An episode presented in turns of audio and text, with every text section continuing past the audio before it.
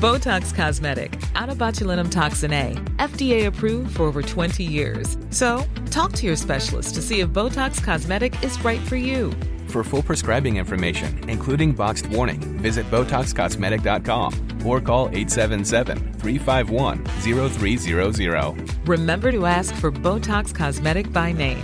To see for yourself and learn more, visit BotoxCosmetic.com. That's BotoxCosmetic.com.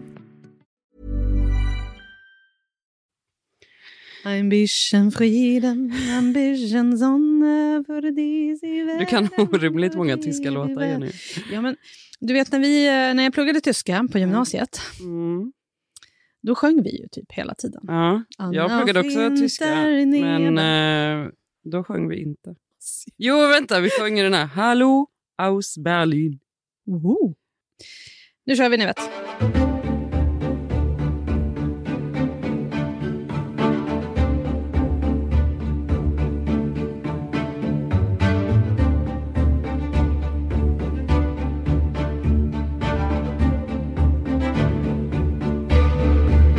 Hej och välkommen till Aftonbladet Utrikes. Jag heter Jenny Ågren och jag har som alltid vid min sida, eller mitt emot mig faktiskt, Nivetta Wood. Hej!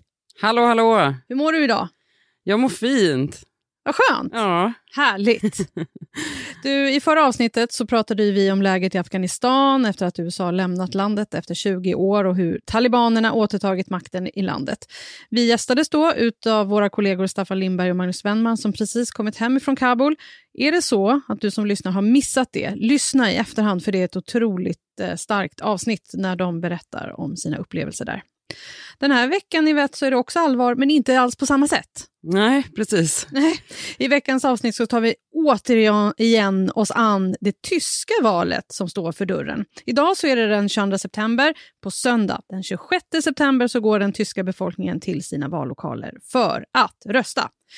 Och det är så mycket som står på spel här eftersom Angela Merkel som styrt landet i 16 år nu ska gå i pension. Vem ska bli Europas nästa stora ledare? Det tyska valet är kanske inte lika välbevakat som till exempel presidentvalet i USA. Ja, vad säger du? Men det är så viktigt för oss här i Sverige. Tyskland är en av våra allra viktigaste handelspartners, Europas folkrikaste land och giganten i EU. Så därför så ska vi snacka om det tyska valet igen. Vi pratade om det här i våras, eh, om det är så att ni vill backa tillbaka och lyssna på ett gammalt avsnitt. Vilket parti kommer bli störst? Blir det regerande CDU eller har socialdemokratiska SPD tagit greppet om väljarna?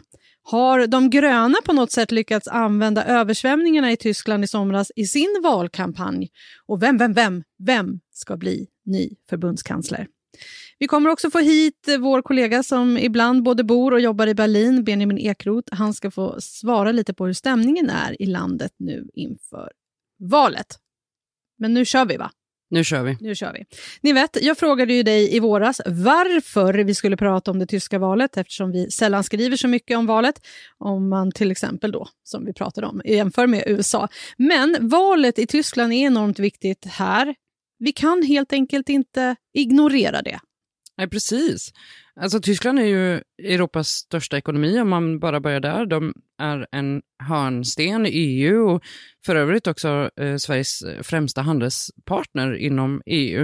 Eh, sen så anledningen till att vi pratar extra mycket om Tyskland och det här valet är ju förstås för att det inte är lika tråkigt eller man ska säga som tidigare val. Förut har det ju varit eh, vem ska liksom styra tillsammans med, med Angela Merkel. Men nu lämnar Angela Merkel och det är väldigt stort. Och Det har dessutom inte varit särskilt givet vem som ska ta över. Och jag, alltså jag är ärligt talat lite chockad över hur spännande det här är nu.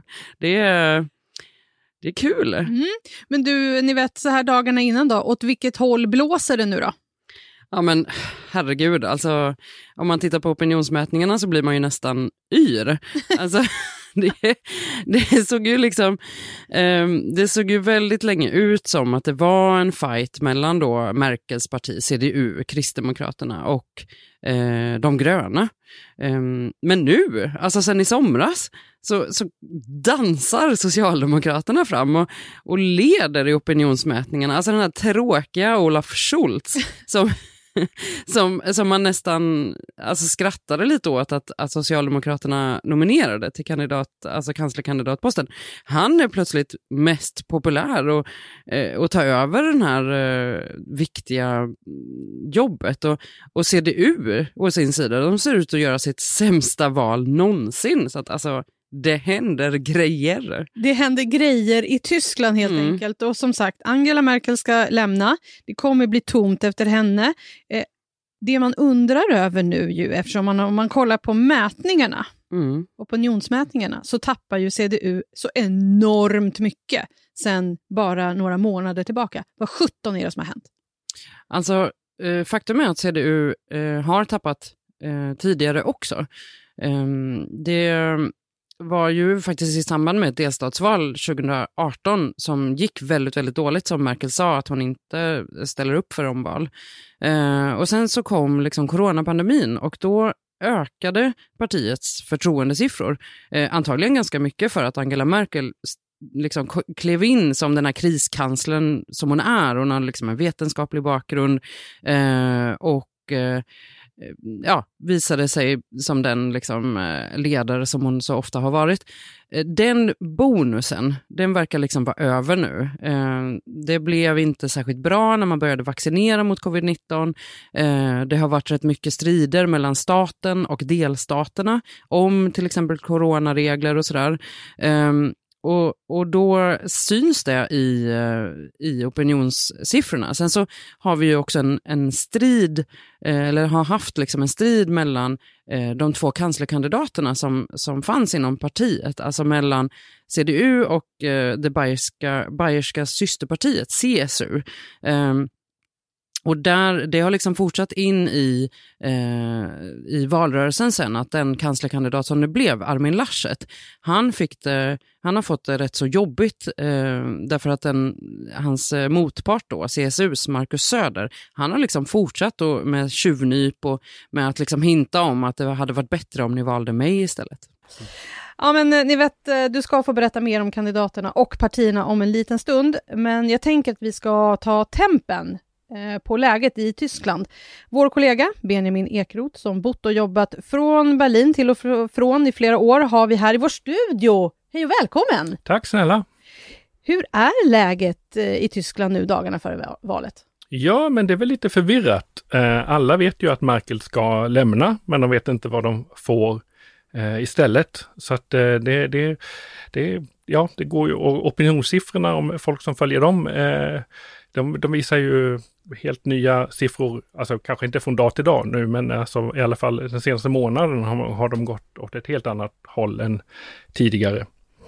Och eh, ja, det är väl så att eh, allt har inte varit perfekt i, i märket Tyskland. Folk eh, har liksom undrat hur det ska gå med välfärd och klyftor och marknadshyror och sådana saker och eh, saker som folk går och funderar på, i alla fall i Berlin där jag har rört mig. Plus klimatet då.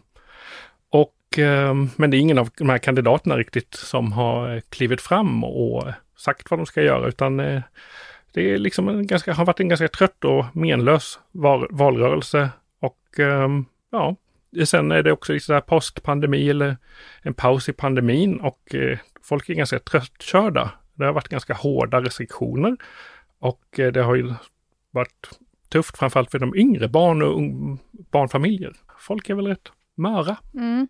Men du, Angela Merkel, förbundskansler sedan 16 år tillbaka, nu ska hon liksom lämna. Vad, vad säger tyskarna om det? Mm. Ja, de är, det är faktiskt eh, hyfsad post eh, Merkel eh, frossa.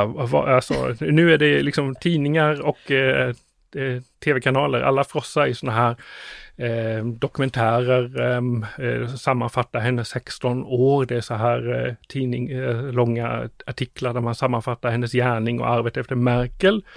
Och eh, jag såg en undersökning förra veckan att eh, det, alltså, det är ganska många tyskar som är oroliga, eh, känner oro för liksom, livet efter Merkel. Och ehm, Ehm, det är inte bara de äldre som, som har varit eh, hennes eh, liksom, där hon har varit mest populär och kvinnor, utan det är också bland unga. För det är många unga nu som är liksom, de känner inget annat. Hon har ju liksom suttit där i 16 år. Så att det är många i, liksom, i liksom tonåren och kanske upp en bit över 25-30 som liksom är så inkörda med Merkel. Som är liksom så här, vad ska det här bli? För att det har varit av alltså, det har varit ganska goda år. Eh, det har varit väldigt bra, eh, ekonomin har gått jättebra för det mesta och eh, ja, det har varit liksom ordning och reda och stabilitet. Men du, samtidigt så ser det ju ut som att, att Merkels parti, CDU, att de, i alla fall enligt opinionsmätningarna så ser det ut som att CDU gör sitt sämsta val någonsin. Är det så att tyskarna har liksom tröttnat på Kristdemokraterna nu? Nej, utan det är det som, alltså de, eller de har nog varit trötta på Kristdemokraterna av och till ganska länge. Eh, innan pandemin så låg de ganska risigt till. Det var, och de, upp, Tyskland upplevde liksom en kolossal Greta-effekt, mycket mer än vad vi gjorde här i Sverige. Så alltså Greta Thunberg fick, gjorde ett jättestort avtryck i Tyskland. Eh, sen kom pandemin och då klev Merkel in igen och styrde upp för att hon är kriskansler. Eh, men um, det är mer så att, uh, att i våras, om man hade, när man pratar med experter och förståsigpåare, alla trodde ju att det här kommer att bli en regering med Kristdemokraterna och de gröna. För att uh, Tyskland har alltid koalitionsregeringar eftersom de alltid måste ha en majoritetsregering. Men um, sen har de här olika, de här två eh, kandidaterna från de två partierna liksom gjort olika saker som har dragit ner deras anseende. Och då, i liksom ytterfilen, det var ingen som trodde att SPD, Socialdemokraterna, skulle ha liksom en chans i maj, juni. Då låg de liksom nere på 14 procent. Men när de andra har liksom gjort bort sig så har han bara seglat förbi genom att bara agera kolugn. Alltså han har kopierat Merkels stil rakt av. Och det... Ja men det där är ju väldigt eh, intressant med just att eh, ett tag där så pratade vi om att de gröna, de kanske till och med kunde få förbundskanslerposten. Mm. Eh, och nu är det Socialdemokraterna som ja, men ser ut att ta den. Mm. Eh, det är ju inte heller någonting som, som tyskarna är riktigt vana vid, den här typen av rejäla svängningar som det har varit, eh, som du nämnde. Hur pratar man om det då? Alltså å andra sidan, alltså Eh, nej, folk är jätteförvånade. Å andra sidan så är det här tecknet på att, eller att, vad ska man säga, att, att det går så bra för eh, Olaf Scholz och SPD är ett tecken på att de inte gillar svängningar. Utan han är den, alltså han är, eh, alltså han är mer Merkel än vad eh, Armin Laschet är, som är från Merkels parti. Så att eh, det är liksom i, i sådana tider av oro och när ingen kandidat är särskilt tydlig och några har gjort bort sig så, så väljer man den som är, eh, verkar stå för mest som agerar mest som en kansler. Men, men Benjamin, som boende i Berlin och som kanske ser på Tyskland och tyskarna på ett annat sätt än vad de själva gör, skulle det behövas en förändring i Tyskland? Ja, absolut. Alltså det, det, är på, alltså jag har svårt att tänka mig alltså att Olaf Scholz är inte en kandidat, eh, om han nu blir kansler. Han kommer inte, tror jag, bli en kansler som sitter i 16 år. Utan han blir, han blir kansler nu för att han är den som påminner mest om Merkel i en tid när man undrar lite var vi ska ta vägen. Men de står inför ganska eh, tuffa eh, förändringar. De måste göra olika saker. Det har Angela Merkel också fått kritik för. Alltså att hon, eh, hon har ju alltid varit liksom valt så pragmatiska vägar och inte liksom eh, sagt vad hon tycker mot Ryssland eller mot Kina eller inrikespolitiska saker heller. Och eh, man tror, jag läste någon eh, bedömare som menar att det, en, Tyskland skulle behöva en kansler som eh, eh, kliver fram och tar itu med de här sakerna. Och klimatet, alltså miljön. Alltså det är ju, om man tittar på de valfrågor som är viktigast så är klimatet eh, definitivt överst. Mm. Och där har inte eh, någon av de här, förutom de gröna då, någon tydlig eh, vision. Nej, vi får se då helt enkelt hur det går. Men du, jag undrar, hur ska du följa valet nu då på söndag? Ja, det, jag, är, eh, jag är inbjuden till ambassaden, svenska ambassaden och ska sitta i en här valpanel där och prata om lite mer om det här. Och sen ska jag väl försöka hålla mig där på deras valvaka och följa det på bildskärmar. Nu ligger ju det här, deras ambassad i Berlin så himla härligt till. Det ligger bara ett stenkast bort till CDU och SPDs högkvarter Det ligger också supernära så att man vill man så kan man ju smyga bort dit. Men så måste man också slinka ner någon, förhoppningsvis en korv, korven har vi sett Ja, och ölen. ja, jag skulle just fråga så här, vad käkar man på valvakan i, i Det Tyskland? måste ju vara sån här currywurst. Ja, currywursten är ju extremt stor. Särskilt i Berlin. Och lite det- öl kanske? Ölen, absolut. Man har sett mycket bilder på eh, eh, olika kandidater som svingat eh, stora ölsejdlar och eh, Olaf Scholz har ju också gjort en poäng av efter de här valdebatterna i tv, valtriellerna när det är tre deltagare, att han efteråt eh, eh, skyndar sig till bordet eh, med mat och kniper en kurvurst. Det blir fest. Mm. Det blir en liten oktoberfest. Benjamin, tack snälla för att du kom hit till studion. Det kändes helt fantastiskt att ha person i studion, för det är Ja. första gången på jättelänge som vi har någon här. Tack för att du kom hit Jättekul. och lycka till med valvakan. Skoj, tack! Okej, ni vet, vi ska rulla vidare. Vi ska snacka nu och grotta ner oss i det här om vem som då kan tänkas ta över. Du har ju redan varit inne på några av namnen. Men vem tror du? Vem kommer vi se som förbundskansler framöver?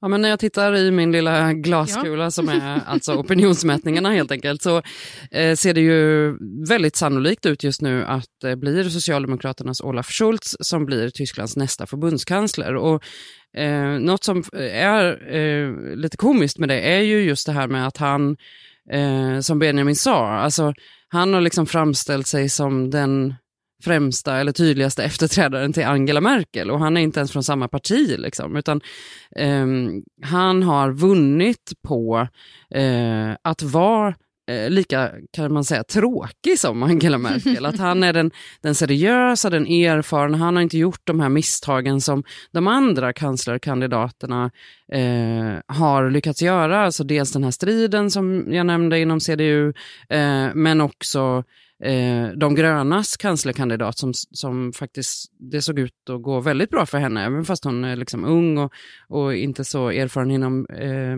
regeringsstyre. liksom. eh, så när de har liksom, eh, tappat det på olika sätt och klantat sig och sådär, så, så är det den här tråkiga, lugna eh, Scholz, eh, som i dagsläget då vice förbundskansler och eh, finansminister, lång politisk erfarenhet, den här sömniga nästan kandidaten, det är han som har liksom gått vinnande ur det. Men eh, i somras så drabbades ju Tyskland av översvämningar. Trots det så verkar inte de gröna ha lyckats ta vara Alltså, ni förstår vad jag menar nu. Ta vara på det, att använda det i sin kampanj. Borde det här ha gett dem ytterligare en skjuts framåt? Ja, ehm, det, det kan man ju verkligen undra. Eh, vi har ju pratat lite om det, att miljöfrågan är väldigt, väldigt stor i Mm. Tyskland. Och eh, alltså, de gröna, eh, det går ju på ett sätt bra för, för det partiet. Eh, eh, att bara det att, att de valde att nominera en förbundskanslerkandidat, alltså Anna-Lena Baerbock, det var första gången som de gjorde det. Och eh, när vi pratade om, om Tyskland i förra avsnittet i, eh, i maj, tror jag att det var, då gick det väldigt bra. Då, då var det till och med, alltså vi var inne och touchade på att hon kanske kan bli Tysklands nästa förbundskansler. Precis. Ehm, så eh, pass höga är inte opinionssiffrorna för partiet längre.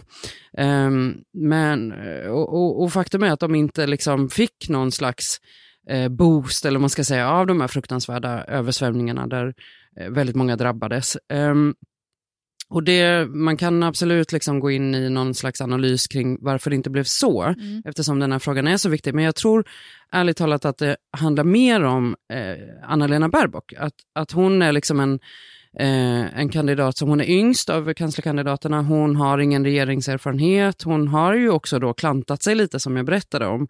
Ehm, eh, och, alltså det har varit eh, till exempel plagierade citat i en bok som hon skrivit som har upptäckts. Det har varit ett putsat CV till exempel. Och, och inget av det är ju liksom så här, oj hon måste avgå, hon kan inte ens vara med i det här racet längre. Men det har visat ganska tydligt att Eh, särskilt då i jämförelse med att det är Merkel som lämnar, att det här är kanske lite för stora skor eventuellt för henne att fylla. Sen eh, det som man också kan säga är att nu är det ju ganska troligt att de gröna kommer att eh, regera med till exempel eh, Socialdemokraterna då framförallt är det som man pekar på. Så att på så vis så går det ju bra för partiet. Hon kanske kan eh, samla på sig lite ministererfarenhet. Och, hon har ju en ganska cool bakgrund. Hon är ju, hon är ju gammal um, Ja, trampolingymnast. gymnast, liksom. Det är ju coolt att ha ändå. Ja. Någon med spänst. Ja, och nu får du ju definitivt studsa in i regering i alla fall. Eller hur? Men okej, hon hade putsat sitt CV lite eh, Mm. och lite andra pinsamma grejer. CDUs Armin Laschet är väl ändå i ännu värre blåsväder efter att skrattat på fel ställe i somras. Ja, gud. Ja, jag får Ja. ja. ryser när jag Mm. tänker på det här. Det, ja, det var så pinsamt. Det var ju också då de här hände. översvämningarna ehm, som ju var som sagt förödande. Det var hundratals som dog. ehm, och då skulle presidenten Frank-Walter Steinmeier hålla pressträff och liksom en jätteallvarlig situation. Och så kunde man se i bakgrunden Armin Laschet stå och typ skämta och skratta eh, tillsammans med sina medarbetare. Ehm, och eh, det här var ju liksom, alltså folk pratade om att nu är det, det är kört för honom. Eh, han fick såklart be om ursäkt. Eh, och allt var ju bara så fruktansvärt opassande. Och, eh, det var heller inte första gången som han eh, hamnade i liksom, vad man skulle kunna kalla för en skandal. Han har också så här, kallat en kvinnlig reporter för unga dam. Det är inte heller så himla fräscht. Liksom. Och det är dessutom i en debatt som handlade om klimatförändringar. Så att han har eh, dessutom ju också den här Marcus Söder liksom, eh, bråket i bakgrunden. Där han har liksom inte hittat sin roll. Alltså han verkar eh, trevlig och sådär, men, men går liksom inte hela vägen, är väl den bilden som man få, har fått under den här valrörelsen. Mm. Så är det så att man ångrar sig nu att man inte valde Markus Söder som ledare istället? Som var den kandidat som egentligen var mer populär? Ja, det tror jag säkert, för det var ju liksom en eh, intern strid. Alltså, Söder eh, är ju på ett sätt en, en rätt speciell kandidat. Alltså, det finns nog de som, som eh, hade velat se honom eh, som CDUs eh, kandidat som något nytt kanske. Liksom något, eh, eh, ja, men han är lite mer spexig eller vad man ska säga. Och lite men, yngre också. och lite yngre, men också, alltså han har varit ganska mycket som en så här vindflöjel i stora frågor, att han har testat lite, eh, skickat ut så testballonger som varit ganska kontroversiella. Medan Laschet var ju verkligen så här etablissemangskandidaten som man eh, valde för att man antagligen ville ha det här lugnet då efter Merkel. Men han, han har ju liksom inte lyckats rida på den vågen, utan istället har ju som sagt Scholz lyckats sno den, fastän han inte ens är från Merkels parti. Det är ju väldigt, väldigt speciellt. Mm. Och som sagt, SPD, Olaf Scholz. Scholz? Scholz? Ja, Ja. ett bra namn. Ja, det är ett bra namn. Han, eh, det är på väg kanske då att han blir nästa förbundskansler och Socialdemokraterna som största pa- parti, eh, visar ju opinionsmätningarna. Nyligen så vann ju också Arbeiderpartiet i Norge. Betyder det här nu att det sveper en sossevåg över Europa? Ni vet. Ja, alltså det finns de som menar det. Eh, Det kan ju vara lite tidigt kanske att, att prata om det i Tyskland. Eh, För att, eh, ja, det här...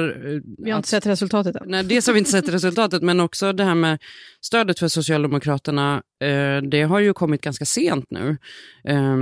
Och eh, ja, men som sagt, hur mycket beror det på Olaf Scholz eh, och liksom som en efterträdare till Merkel och hur mycket beror det på partiet? Eh, det får nog liksom tyckare och experter analysera lite mer kanske, för att Ärligt talat så har ju Socialdemokraterna i Tyskland, de har ju varit ett väldigt splittrat parti ganska länge och det har gått rätt dåligt för dem. Som, som jag nämnde så var det ju liksom många som nästan skrattade åt att man ens nominerade en, en kanslerkandidat. Ehm, men Alltså generellt, liksom, när, när, eh, ja, men när experterna börjar titta på det liksom större, bredare, eh, om det är så att socialdemokratin går framåt i till exempel Europa, då, då finns det en del saker den senaste tiden som, som nog har hjälpt till där. Eh, dels eh, coronapandemin, dels klimathotet och sen så också att migration, som ju är liksom klassiskt en, en högerfråga, ha, eh, migrationen har blivit en mindre fråga och de andra två har ju blivit större. Liksom. Eh, och de här, för- alltså coronapandemin och klimathotet, det är ju frågor där eh, staten ganska snabbt får en, en väldigt viktig roll. Och den, eh, den typen av politik, det är ju ofta något som vänstern liksom gynnas av.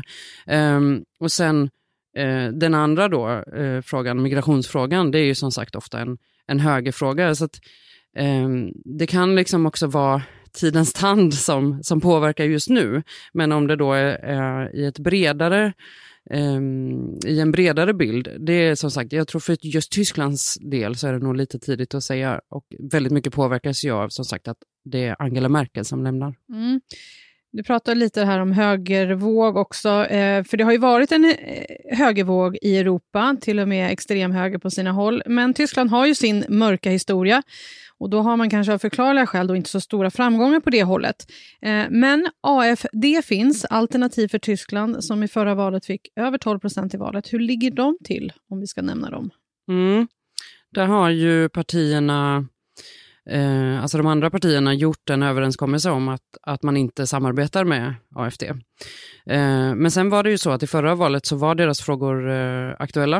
Eh, det hade varit en flyktingkris ganska nyligen som Tyskland hade haft en, en stor liksom, del i med Angela Merkel som verkligen så här, kaptensbinden i de frågorna eh, i Europa. Och eh, de frågorna är som sagt inte eh, lika stora i, i det här valet. Eh, och, och sen kan man också säga att AFD har blivit mycket mer extrema. Alltså de har valt att gå i opposition väldigt, väldigt tydligt. De har liksom, till exempel lett sådana här coronaprotester. Jag nämnde ju det, att det har varit mycket i de olika delstaterna kring det.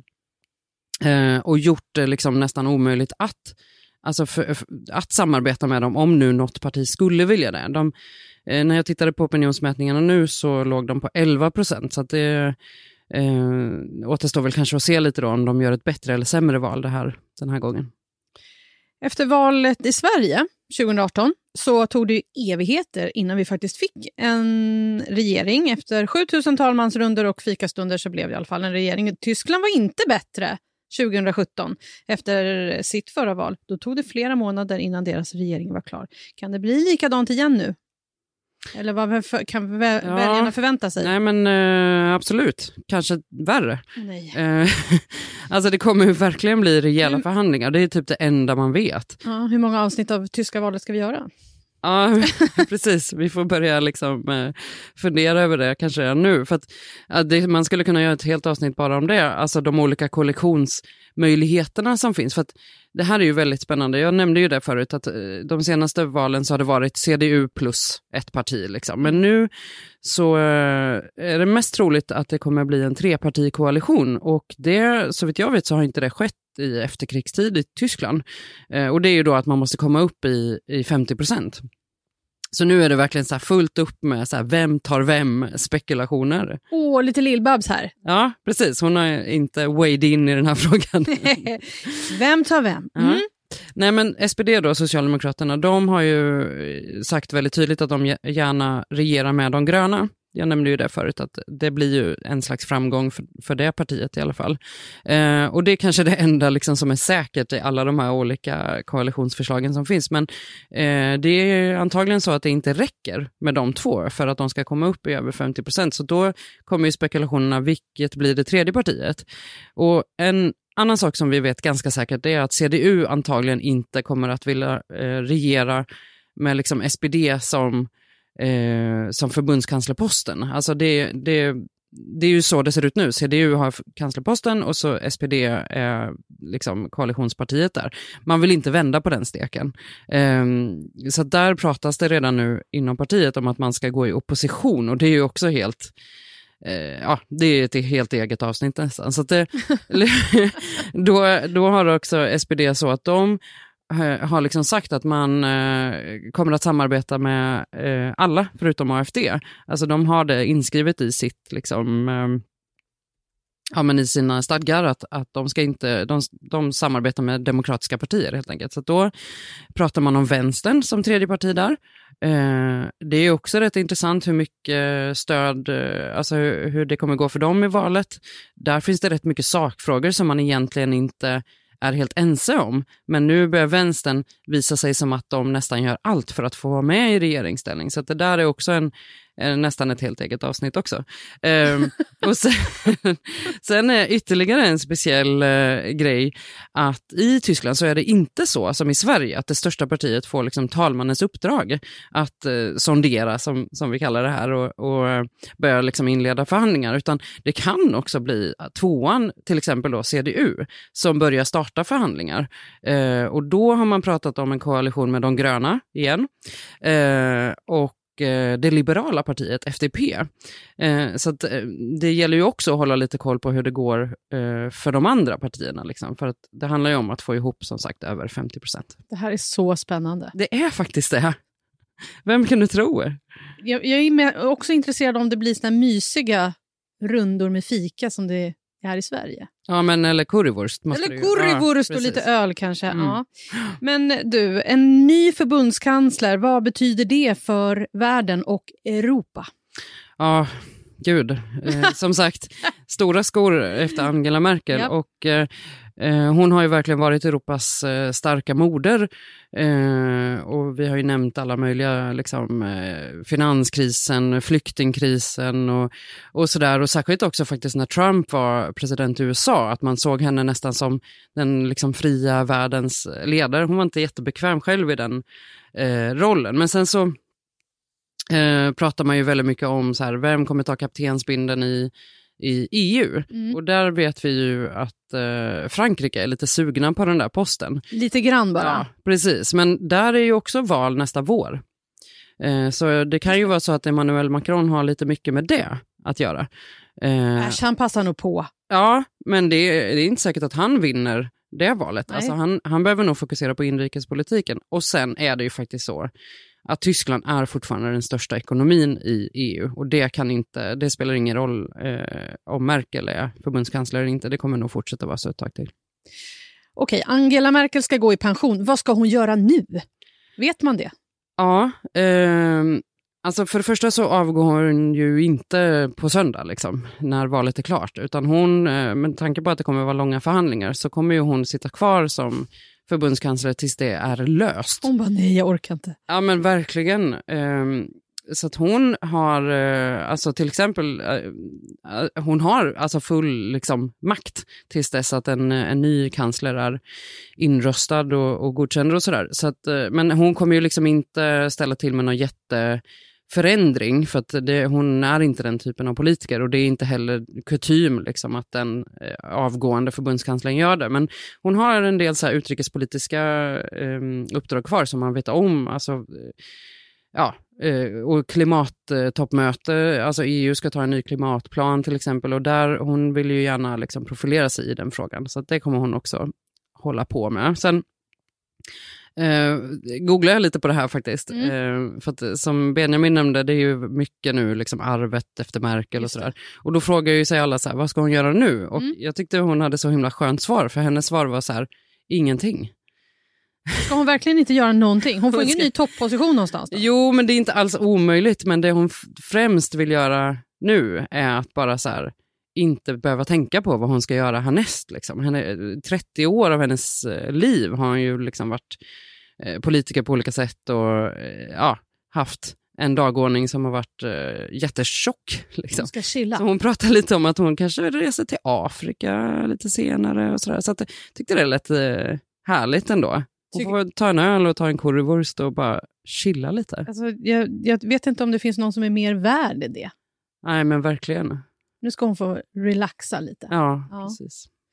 Du, ni vet, eh, vi är ju liksom klara för idag nu. Ja, Du har pumpat in information till våra lyssnare. ja, Jag hoppas verkligen att du som har lyssnat känner att du kan ta och snacka om tyska valet nu i fikarummet eller på en middag i helgen så kan du bara briljera med all denna kunskap som du har fått av oss idag. Eh, Aftonbladet Utrikes kommer ut varje vecka. Du hittar oss där det finns poddar. Tryck såklart på prenumerera-knappen så missar du inte nästa avsnitt när det kommer ut. Och vill du oss någonting så kan du mejla oss på utrikes.aftonbladet.se. Och det tyska valet följer du såklart på aftonbladet.se. Kolla in i helgen. Nu säger vi tack för idag, ni vet. mm. Jag heter Jenny Ågren Och jag heter Nivetta Ord. och vi säger tack och auf Wiedersehen. Auf Wiedersehen.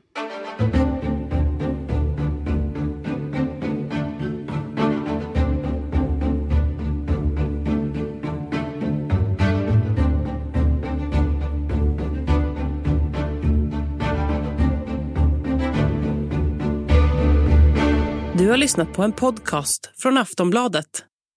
Ansvarig utgivare är Lena K Samuelsson.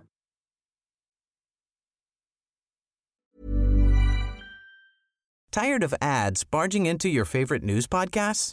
Good news. Ad-free listening is available on Amazon Music. For all the music plus top podcasts included with your Prime membership. Stay up to date on everything newsworthy by downloading the Amazon Music app for free or go to amazon.com slash news ad free. That's amazon.com slash news ad free to catch up on the latest episodes without the ads.